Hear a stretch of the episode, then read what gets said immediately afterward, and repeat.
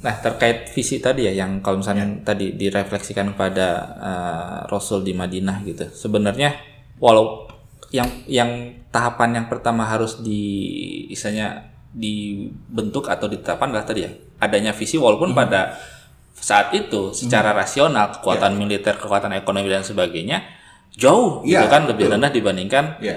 Romawi dan Persia pada saat itu. Berarti sebenarnya eh, negeri Muslim saat ini walaupun tadi dari sisi militer, dari sisi ekonomi itu jauh dari negeri adidaya yang saat ini yaitu Amerika, sebenarnya tidak masalah toh role model Rasul yang ada di mana pun membuktikan yang penting ada visinya dulu yang ditetapkan untuk menjadi pendobrak misalnya negara adidaya selanjutnya. Betul. Nah inilah yang yang kita harusnya sekarang itu eh, apa namanya eh, mulai gitu. Paling tidak kita harus dorong agar di tengah-tengah kaum muslimin itu eh, menjadikan apalagi ini dalam konteks bulan Maulid ya. Ini ini mungkin ada relevansi menurut saya karena apa? Karena eh, di dalam bulan Rabiul Awal ini Rasul eh, dihadirkan ya dilahirkan oleh Allah Subhanahu wa taala ke dunia ini untuk membuat sebuah eh, apa yang kita sebut sebagai kalau bahasa ininya transformasi sosial. Begitu. Minaz zulumati ila nur begitu ya. Dari kegelapan ya jahiliyah menjadi eh, terangnya cahaya Iya. eh, Islam. Artinya apa?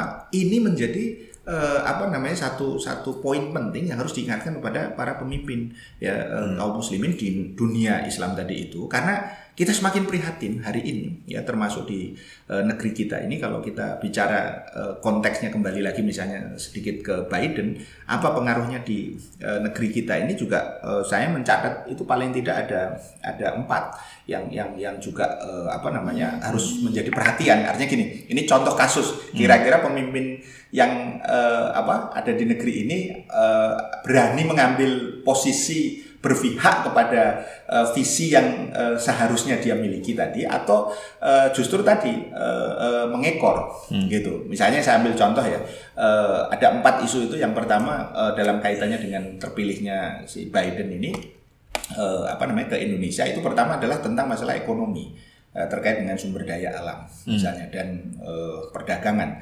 Ya kalau perdagangan mungkin ya eh, sebagian pengamat ekonomi mengatakan kita juga eh, tidak untung amat dan juga tidak rugi amat gitu ya tetap penting saja gitu kan yang yang ada di situ. Tapi tentang SDA sumber daya alam pertanyaannya berani nggak Indonesia kemudian eh, apa namanya eh, memposisikan bahwa perusahaan-perusahaan eh, asing ya khususnya Amerika begitu kan yang begitu dominan ya di sektor eh, migas di sektor kemudian eh, pertambangan itu eh, misalnya contoh se- sederhana tentang Freeport gitu ya banyak pihak eh, masih belum clear menurut saya eh, sampai hari ini terkait dengan eh, apa namanya eh, bagaimana kemudian eh, pertimbangan atau sikap dari pemerintah itu sendiri ya terkait dengan dengan dengan Freeport sebagai sebuah simbol yang sudah sejak dari tahun eh, 67 ya 68 itu eh, apa dikeruk ya eh, eh, apa kekayaannya sedemikian rupa. Artinya gini apakah pemimpin yang hari ini berani nggak nanti ngomong di di di apa namanya di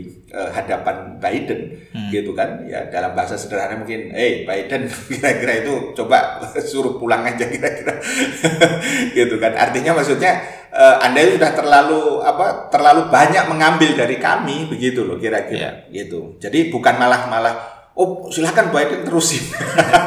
Itu itu itu itu dalam konteks walaupun itu memang swasta tapi kan eh, perusahaan multinasional itu kan backupnya adalah pemerintah di mana kemudian dia eh, berada. Dalam hal ini Freeport itu adalah eh, backupnya tentu pemerintahan eh, Amerika sebagaimana dulu VOC ya. eh, sebagai sebuah perusahaan dari eh, pemerintah eh, Belanda pada saat itu. Itu itu itu poin pertama. Poin kedua misalnya terkait dengan eh, eh, konflik yang ada di sebagian wilayah kita yaitu yang ada di eh, Natuna ya yang terkait dengan isu eh, Laut Cina Selatan.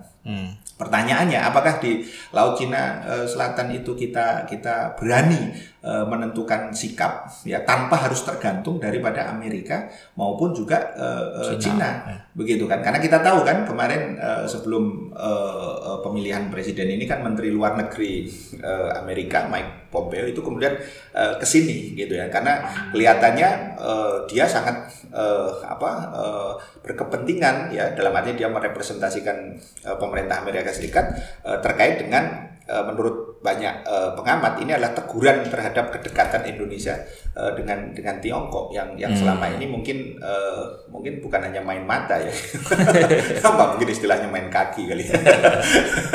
kalau main ini yang terkait dengan dengan tadi apa namanya penguasaan uh, apa namanya kontrol ya terhadap uh, apa namanya uh, wilayah ini. Padahal uh, saya sering mengatakan dalam konteks yang lain uh, kita ini negara yang uh, sebenarnya basis, basisnya itu adalah maritim. Dulu kita pernah mengontrol ya pada waktu pemerintahan uh, Nusantara di, di salah satunya di bawah kepemimpinan Sriwijaya itu untuk mengontrol apa yang kita sebut sekarang dengan Selat Malaka begitu. Nah sekarang ini dengan dengan dengan uh, apa namanya uh, uh, krisis yang ada di di Laut Cina Selatan kita uh, seolah-olah tidak ya. tidak tidak berani menentukan visi. Lagi-lagi masalah visi kan yang terkait nanti dengan keberanian untuk mengambil hmm. keputusan. Yang ketiga itu terkait dengan uh, uh, apakah nanti dengan Biden ini uh, berkuasa uh, separatisme yang kemudian ada di uh, Papua itu akan semakin meningkat atau uh, bisa dihentikan sama sekali. Kenapa? Hmm. Karena ada saya punya data yang uh, menarik ya Partai uh, Demokrat itu kan uh, apa namanya uh, mengagung-agungkan tentang hak asasi manusia ya hak-hak hmm. terkait dengan kemerdekaan gitu. Hmm. Nah, selama ini juga kalau kita lihat ya saya punya beberapa data gerakan internasionalisasi Papua itu mulainya dari Washington. Hmm. Artinya yang mendukung ya itu jelas uh, dari dari uh, apa Partai Demokrat ya, ya kepada OPM ya Organisasi hmm. Papua hmm. Merdeka. Artinya begini, saya ingin ingin mengatakan berani nggak kemudian kita mengatakan eh kalau nanti kamu sudah benar-benar jadi presiden begitu kira-kira, yuk jangan jangan jangan jangan campur tangan deh begitu. Cuman ini kan kita uh, apa uh, mirroring gitu ya artinya apa berkaca, berkaca dari dari apa yang terjadi di Timur Timur. Hmm. Ya, saya membaca dua berita menarik hari ini yaitu Timur Timur ya dalam kaitan dengan dengan dengan dengan masalah Papua ini itu menyesal ya uh, lepas dari Indonesia karena sekarang itu kondisinya sangat-sangat uh, susah beda yeah. dengan dulu ketika dia masih uh, apa menjadi bagian daripada Indonesia. Tapi poinnya adalah Eh, ketika tahun 75 Indonesia itu didukung oleh Amerika untuk masuk ke uh, Timur Timur ya karena untuk me menghadang uh, komunisme yang yang uh, pada saat itu dilakukan di antaranya oleh Portugis maka uh, Amerika begitu kuat membela yeah. tapi begitu tahun 99 ya itu uh, apa namanya Amerika uh, merasa perlu untuk memisahkan tadi itu ya terpisah dan kita tahu sejarah Papua juga tidak lepas dari campur tangan daripada uh, Amerika yang pada saat itu uh, hmm. berhasil mengusir Eropa dalam hal ini adalah Belanda ya untuk kemudian hengkang dari uh, apa namanya tanah Papua itu dan biar itu kemudian yang masuk adalah uh, Indonesia begitu. Uh, saya uh, apa namanya uh, ingin mengingatkan bahwa kalau pemerintah uh, hari ini tidak berani untuk bersikap itu, saya kira secara logika uh, dengan fakta dan juga uh, uh, uh, kondisi yang sebelumnya sudah terjadi sangat mungkin gitu. Itu hmm. hanya masalah waktu saja.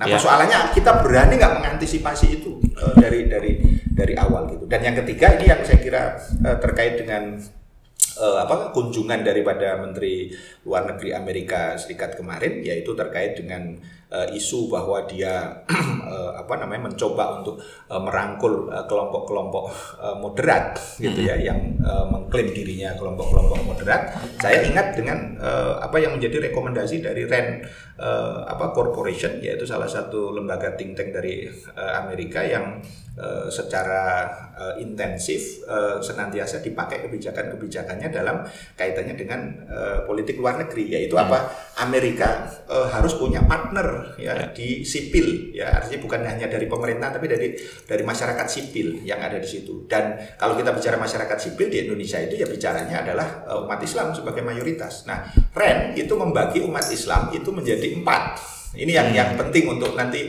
uh, kita cermati yaitu apa bahwa satu adalah mereka yang dianggap tradisional, kemudian yang kedua mereka yang dianggap uh, apa dikategorikan eh, uh, apa namanya moderat, kemudian yang ketiga dianggap sebagai fundamentalis atau sekarang kita kenal dengan radikal, kemudian yang keempat itu adalah yang sekuler. Nah, hmm. strategi utama yang saya ingin ingatkan adalah ketika uh, kita membaca laporannya uh, Ren tadi itu adalah uh, adulah atau adu domba lah gitu ya hmm. antara yang fundamentalis atau radikal tadi itu atau dianggap radikal atau fundamentalis tadi itu dengan yang dianggap tradisional ya dukunglah yang moderat dan tetap untuk kemudian nanti uh, menjadi katakanlah jagoannya ya tetap yang harus yang sekuler hmm. gitu dan itu sudah terjadi di negeri kita. Nah kita ingin ingatkan yang uh, berikutnya adalah terkait dari kedatangan Menlu Amerika uh, Serikat tadi ya walaupun dia masih dalam administrasi Trump saya kira tidak akan uh, terlalu jauh beda. Uh, kita khawatir justru umat Islam ini semakin dipecah belah hmm. begitu uh, di negeri ini. Nah ala kulihal maka empat poin ini untuk ini yeah. masih banyak isu sebenarnya tapi empat ini menurut saya untuk konteks Indonesia uh, bisa menjadi satu pembelajaran apakah tadi kembali lagi ke pertanyaan punya visi nggak uh, para pemimpinnya tadi itu sehingga berani berpihak berani bersikap dalam kaitannya kalau sebagai seorang muslim secara sederhana ya tadi poin tentang sumber daya alam ya harus berani dikelola dengan cara-cara uh, syariah misalnya begitu ya ini hmm. tentu butuh diskusi uh, ya. lagi ya tapi poinnya di sana kemudian terkait dengan laut Cina Selatan tadi dia juga harus uh, berani uh, menghadapi hegemoni dua dua dua uh, raksasa tadi itu Amerika hmm. maupun Cina yang ketiga terkait dengan uh, bagaimana uh, separatisme ya harus berani tegas jangan sampai kemudian nanti Eh, kita malah uh, benar-benar uh, pada titik tertentu karena tadi saya sudah mengatakan ini mas hanya masalah waktu karena Amerika punya segalanya untuk yeah. menggabungkan atau kemudian memisahkan begitu ya. Hmm. Nah yang keempat tadi agar uh, masyarakat sipil dalam hal ini uh, tidak kemudian justru terbelah ya atau diadu domba ya sedemikian rupa sehingga akhirnya ya makin makin yeah. uh, lemah begitu. Thank you.